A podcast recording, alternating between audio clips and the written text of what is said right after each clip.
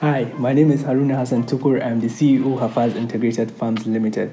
I'm also the Secretary General of Youth Nigeria Rice Farmers Association and Secretary Committee on Agriculture Kebbi State Investment Forum.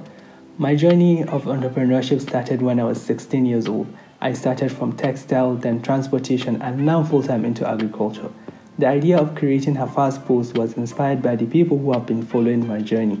I have several number of people who have contacted me over the years for consultation on business and agriculture. I've also received an enormous amount of messages from people telling me how my story have inspired them to go after their passion. So I felt the need to create a platform where entrepreneurs who are starting up and those who are established to come and share their journey and insights in their various industries to inspire and motivate other entrepreneurs in Nigeria.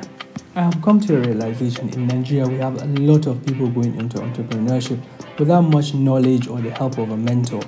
Entrepreneurship is not a topic we were taught in primary school or secondary school, and even when we were taught entrepreneurship in university, is different from what we encounter in real life.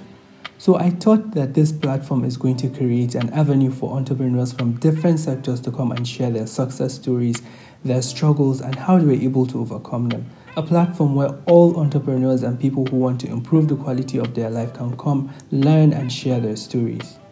I do hope that I'm able to inspire one more person to go after their passion. I'm doing this 100% free just to motivate anyone that wants to go after their dreams and learn from other people's stories.